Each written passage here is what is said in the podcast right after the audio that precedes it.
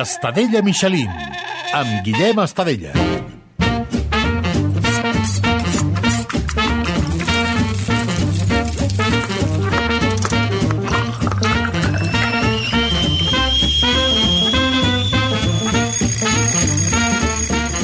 Com esteu? I benvinguts a Estadella Michelin, un podcast de cuina per als qui no saben cuinar, per als qui els hi fa mandra i per als que sí en saben, però, bueno, volen riure una mica. Atenció, perquè avui cuinarem una cosa que he descobert fa molt poc, eh? Un plat una mica estrany, però que està boníssim i que me'l va ensenyar un company de rac en Gerard Ballera de la redacció d'Esports. Avui cuinarem, atenció, pollastre arrebossat amb blat de moro, amb quicos, com diríem al carrer.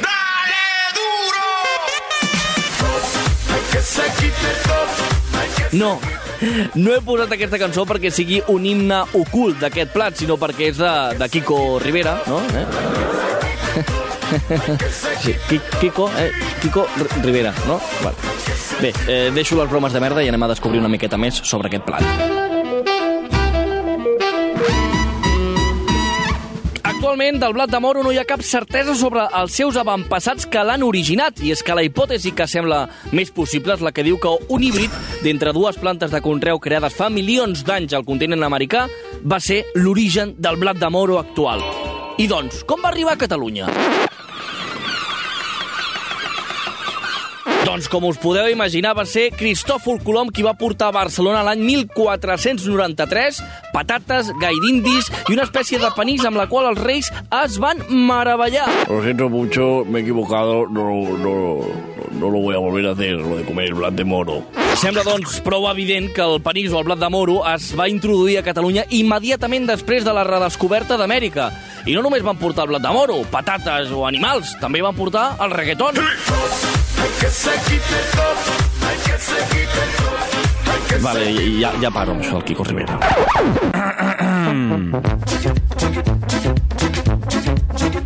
Parlant de descobriments, l'home que va il·lustrar-me amb aquesta recepta és en Gerard Ballera, redactor d'Esports a RAC1. Uh, Gerard, com estàs? Hola, molt bé, i tu? Uh, de primeres pot acollonir una mica, jo crec que aquesta uh, barreja pollastre amb quicos, però he de dir-vos que, que, que, que està molt bo. Dir, no sé com ho vas descobrir tu, però és Doncs- per mi una delícia. Sí, ho, ho vaig descobrir, no vaig descobrir la, la sopa d'all, la veritat. Ho vaig descobrir en un, en un restaurant, eh, que la veritat és que mm, van provar de fer aquesta barreja, i a mi em sembla una combinació molt interessant, perquè els quicos li donen aquest punt cruixent al, al pollastre que li fa falta. Jo crec que... O sigui, m'encanta perquè tu creus Sí. que al pollastre li falta el, el crunch, per entendre'ns, del Kiko, no? Sí, jo sempre he estat molt de, del pollastre, que, exacte, que hi hagi... Si no costa d'empassar a vegades, saps? Aleshores... Es fa bola. Sí, exacte, i si té aquest punt crunchy, eh, eh, doncs molt millor. I de veritat que el Kiko... Eh, jo crec que és una, una cosa que li sol agradar gairebé a tothom, segur que hi ha alguna excepció, però eh, la veritat que, sincerament, si algú ho prova, eh, dirà, ostres, la propera vegada no faig el arrebossat normal, faig l'arrebossat però amb els quicos. Clar, tu, jo pel que sé, vas, vas un dia a aquest restaurant, eh, trobes aquesta barreja espectacular i dius, eh, ho faig. I ho comences a fer, si no m'equivoco, a l'època del confinament. Vull dir, quan tothom estava cuinant eh, pastissos del Nando Jovany, tu estàs fent pollastre amb quicos. Sí, no, no, de fet és una cosa que no faig més sovint perquè, mm, diguéssim que eh, no és qüestió de cada setmana menjar pollastre amb quicos, però... Eh? Eh, Sí, sí, sí, no, si fos per mi ho faria. Eh, La veritat és que si fos per mi n'estaria menjant tot el dia, però eh, va ser el confinament, sí, el confinament jo crec que ens va ajudar una mica a tots nosaltres a, a descobrir noves receptes, a fer barreges que no faríem habitualment, perquè la rutina moltes vegades ens menja, però clar, estan tantes hores a casa, doncs mira, vam inventar això i ara, ostres, per tota la vida, ja, ja us ho dic ara. Vull dir, si ho proveu, serà per tota la vida. Però és que tu també el barreges amb una salsa que també és de creació mig pròpia, no? Oh, és, és la, anava a dir, és, una, és l'altra de les claus d'aquest, eh, d'aquest, eh, sí, sí, d'aquest àpat, eh, d'aquesta recepta, perquè és, és una salsa que jo quan la, quan la vaig descobrir eh, vaig pensar, això no m'agradarà.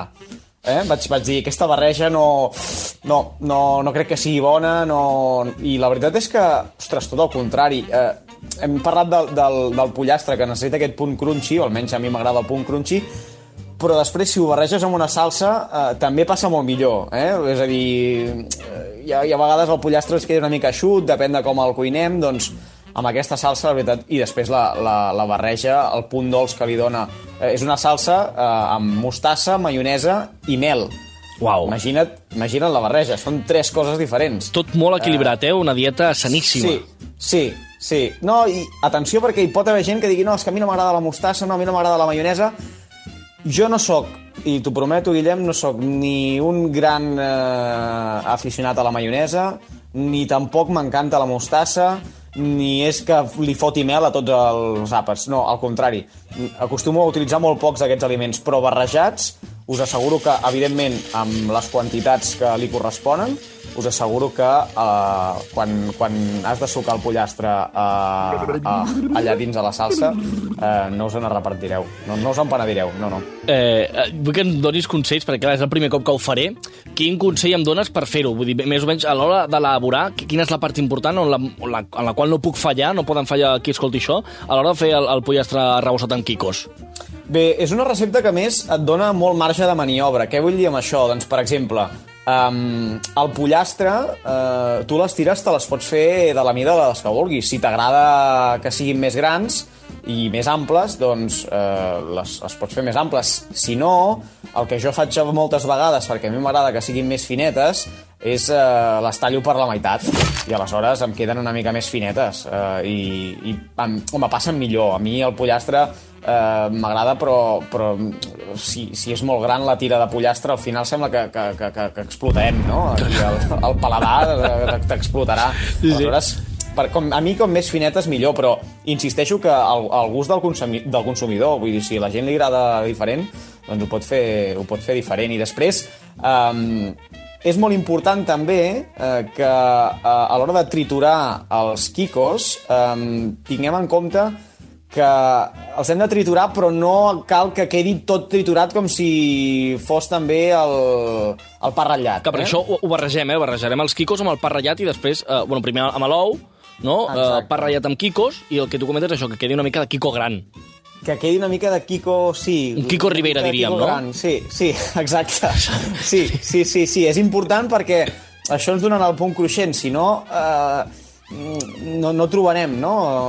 Aquests trossos de, de quicos que, que jo crec que a la gent és el, és el que li agrada Um, per tant, és un altre consell que dono uh, a la gent que vulgui fer aquesta recepta. I després, per la salsa, um, és una mica també a, a gust de cadascú. La proporció sol ser uh, dos uh, cullerades de maionesa, dues de mostassa i una de mel, és a dir, de mel en posem menys que de la resta, uh, perquè, evidentment, és molt dolça, però aquí mm, cadascú pot anar jugant, eh? Amb, amb la mostassa o amb la maionesa. Si a algú li agrada més la, que quedi més al gust de la maionesa o que quedi més espessa pot posar-hi més maionesa. Si vol que quedi més dolça doncs pots, pots ajustar-ho amb la mostassa.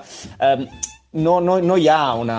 És a dir, el repartiment de quantitats és aquest, però eh, jo crec que cadascú pot anar provant i un dia pot provar una cosa i després doncs, dir, mira, jo he posat una mica més de mostassa i m'agrada més com queda la salsa.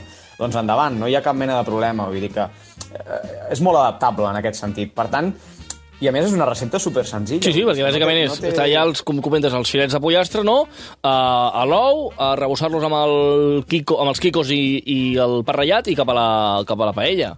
Mm, sí, sí, jo crec que aquí doncs, hi, ha, hi ha les dues claus, els quicos, que I la és salsa. la diferència, i la salsa. T'imaginaves algun dia, Gerard, que t'entrevistessin per per un plat de cuina teu? Quan m'ho vas proposar vaig uh, flipar i vaig pensar que, uh, ostres, aquestes coses només passen al, al podcast del Guillem Estadella, la veritat, perquè, sincerament, no m'esperava que em fessin mai una entrevista per res que estigués relacionat amb la cuina. Sincerament, no, no. Em sembla, em sembla un, un èxit uh, absolut. Gerard Brallera, moltíssimes gràcies. Escolta'm, uh, posarem en pràctica tot el que ens, ens ha ensenyat i et portaré un tàper, eh, perquè provis els, uh, com els faig jo. Sí, sí, porta'm un tàper i com més gran millor, que si cal, si cal els congelo. Perfecte, Gerard, gràcies. Gràcies, bon profit. sense regles que ens prohibeixin ser qui som. Com si a la nit d'avui se'ns acabés el món.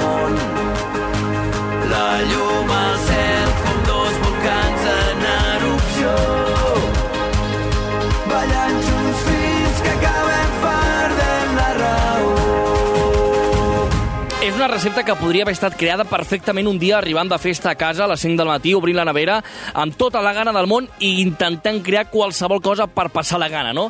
I per això avui vull parlar amb una persona que sap molt bé del que parlo, un home que està acostumat a tancar festivals de música i arribar molt tard a casa. Guillem Soler de Buos, què tal? Molt bé. Uh, algun cop has cuinat pollastre arrebossat amb quicos? Ostres, no, amb quicos no. Sí. Qui- Quina ha sigut la barreja eh, més gran que has fet mai? Allò que diguis, un dia arribes eh, eh, eh, d'un concert a les 5 del matí, obres la, la, la nevera amb moltíssima gana, que és la cosa que, que has barrejat més, més rara de mai, mai. Que diguis, ostres, És que jo crec que he barrejat de tot, eh? He barrejat de tot. Ara així de memòria, jo què sé. Sobretot és que el que he fet és arri arribar a obrir la nevera i no pensar, no? Ingerir i menjar el primer que he trobat. Avui parlàvem del pollastre arrebossat amb quicos, que és una recepta així bastant innovadora que, que jo crec que impacta, però clar, tu ets un home eh, que ha recorregut molta carretera, un home que ha recorregut gairebé tots els escenaris del país eh, i suposo que de menjar en saps bastant. Eh, quina és aquella vegada en la qual en un concert, eh, amb un camerino o un catering, t'ha sorprès de dir, uau, el que estic menjant? O sigui, el millor catering on te l'han donat mai? Doncs mira, això sí que me'n recordo molt bé, perquè no ho oblidaré en la meva vida. A, a un concert que vam anar al País Basc, a un poble que es deia Aia, que estava per allà dalt penjat, o sigui, un poblet petit, i, i no donàvem un duro, eh, perquè l'escenari no era molt gran, era una placeta, i ens van dir, venir a comer. Vam anar a menjar, i era una societat d'aquestes que tenen allà, que són com, uh -huh. com un munt de gent, són tots com socis d'allà, i ens van començar a treure, però vam flipar, o sigui, a primer plat, eh, allò remenat de bolets, amb tal, o sigui, tot, o sigui, bacalao, o sigui, brutal, el primer plat brutal, i quan ja ens pensàvem que ja estaven, van sortir quatre bascos així supergrossos, grossos, i ens van dir, eh, esto solo hace que empezar, ahora vamos a la carne, saps? Vinga, xuletons, talls de carn, però increïble, increïble. Després postres, vinga postres. Després cata de, de patxaran. O sigui, ens vam assentar a sopar a les 10 i a les 12 i mitja encara jalàvem. I a sobre ens vacilaven, no? Ens deien, què, no podeu más ja, eh? Venga, que hay que comer, coño. O sigui, brutal, brutal. De- Recordo que després del concert tots dèiem, hòstia, no em podia moure, tio, hem menjat massa, saps? Tots que...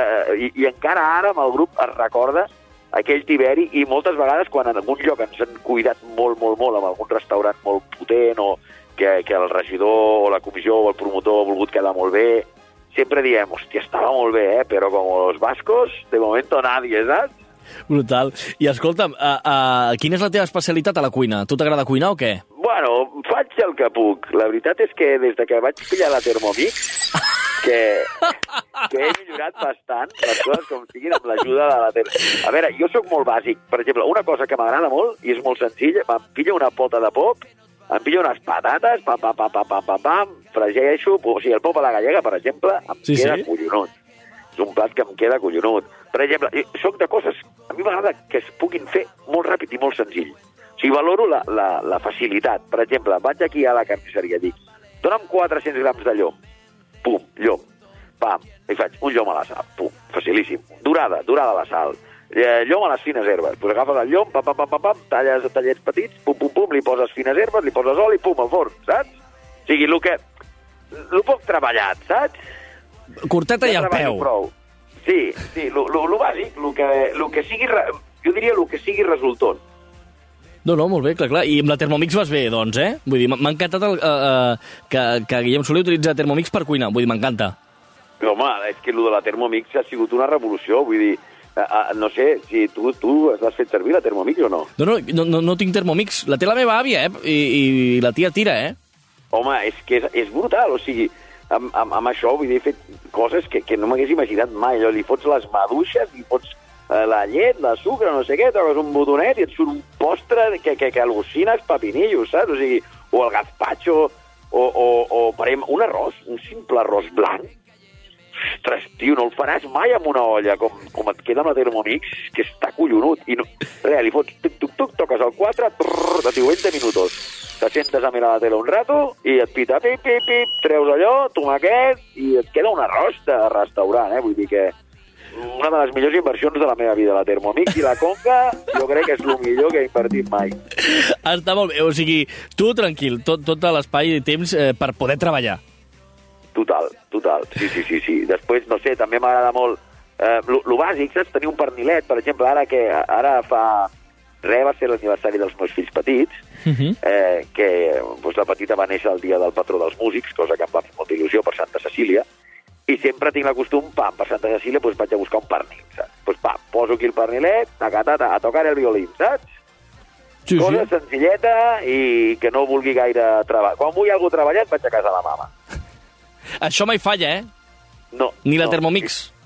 No, no, no, és impressionant. O sigui, jo crec que, a més a més, cada cop cuinen millor les mares. O sigui, quan jo era petit, recordo que la meva àvia era la gran cuinera, no? I ara eh, és la meva mare, ja. O sigui, crec que milloren amb els anys, saps? Que cada cop li posen més farda, cada cop s'ho curren més, volen sorprendre... Són, vull dir, és, és el millor regal que ens pot donar la vida és, és, és una mare i, i joder, tio, i com cuinen i com s'esforcen per, perquè tots digueu mama, te lo has currau, i sobretot els que ens escolten, que siguin agraïts, collons, que, que si algú ha cuinat, li fotem una abraçada, li donem les gràcies. Jo això sempre m'ha agradat molt. De, ah, ja de petit ja ho feia amb l'àvia, saps? De dir, joder, àvia, que, com tu curres, perquè és el mínim, no? A sobre que s'han estat allà unes hores. La Total, meva àvia total. cuinava tot, tot a foc lent. Anaves pel matí, fotia unes palletes de xai i arribaves allà a les, a les 9 del matí i estaven tots els xais posats allà i el foc a la mínima expressió. Jo que miraves i dic, però està encès o no, això? Sí, sí, estava encès allà al mínim. I sempre em deia, la clau, per què et queda tan bo això? Em deia, la clau és que porta a foc lent des de les 9 del matí. Aquell xaiet, quan te'l foties a la una i mitja, nen, Home, estava allò... Sí, sí. feien palmes les orelles. Guillem Soler, moltíssimes gràcies per acompanyar-nos. Felicitats pel programa.